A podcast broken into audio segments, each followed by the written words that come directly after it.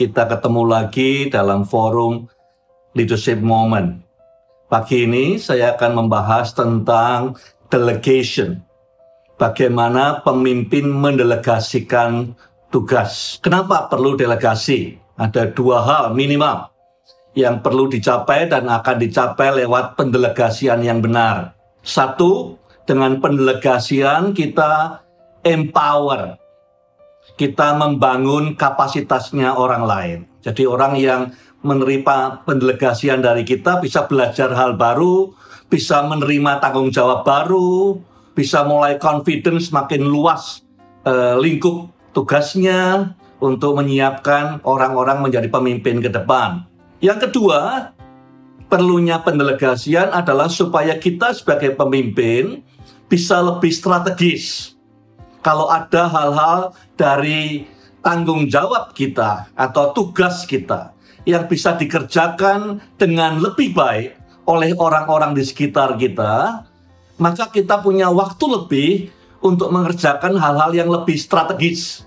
Entah itu berkaitan dengan masa depan atau dengan hal-hal yang inovatif, yang baru, yang hanya mungkin dikerjakan oleh pemimpin pada level saudara.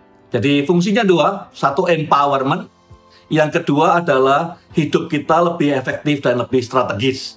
Beberapa hal common mistake yang dikerjakan oleh orang-orang yang kurang memahami pendelegasian adalah satu, orang melihat pendelegasian hanya sekedar dumping uh, works gitu ya. Kita taruh pekerjaan yang kita tidak suka, pekerjaan terlalu banyak kepada orang lain nah, kepada sekretaris kita, pada staf kita.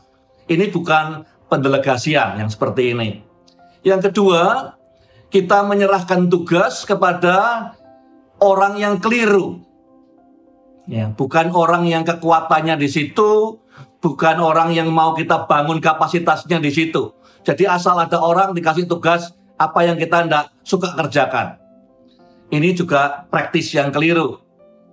Yang ketiga, kita delegasikan tugas kepada orang tapi tidak menyediakan framework waktunya.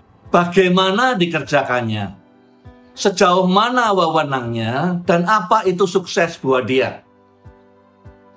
Tanpa semua itu maka pendelegasian tidak akan menghasilkan yang kita harapkan yaitu peningkatan kapasitas maupun uh, strategik penggunaan waktu kita sebagai pemimpin. Berikutnya ada enam hal yang ingin saya sampaikan bagaimana pendelegasian yang benar. Nomor satu, tugasnya harus spesifik. Ya, jelas orang itu tahu batasannya di mana, tugasnya apa, apa yang harus dikerjakan. Nomor dua, expectationnya harus clear. Sukses itu yang kayak apa dan kapan. Jadi dia bisa menggunakan semua potensinya untuk mengejar sukses buat proses pendelegasian ini. Yang nomor tiga harus di set accountability. Jadi harus ada uh, siapa yang menentukan bahwa ini sukses atau tidak. Uh, siapa yang memonitor semua ini bahwa ini terus on track ya proses pendelegasian ini. Jadi ada proses accountability-nya. Tidak hanya dilepas, sudah terserah kamu gimana kerjanya. Dari kita yang mendelegasikan harus ambil waktu-waktu yang rutin untuk duduk dengan dia memonitor milestone untuk melihat apakah ada tantangan, kesulitan yang dia hadapi, spot apa yang dia butuhkan dan segala macam. Jadi ada proses berjalan bersama memonitor dan menyediakan uh, support yang diperlukan along the way. Yang kelima, make sure bahwa orang yang diberi delegasi atau tim yang menerima delegasi adalah orang yang tepat. Orang yang kita mau kembangkan kapasitasnya sesuai dengan tugas yang diberikan. Jadi kita betul-betul ingin dia bertumbuh lewat ini. Keenam yang terakhir adalah kita harus punya clear development goal. Saya harap setelah pendelegasian ini 6 bulan, kompetensi apa, kapasitas apa yang dia akan demonstrasikan setelah ini.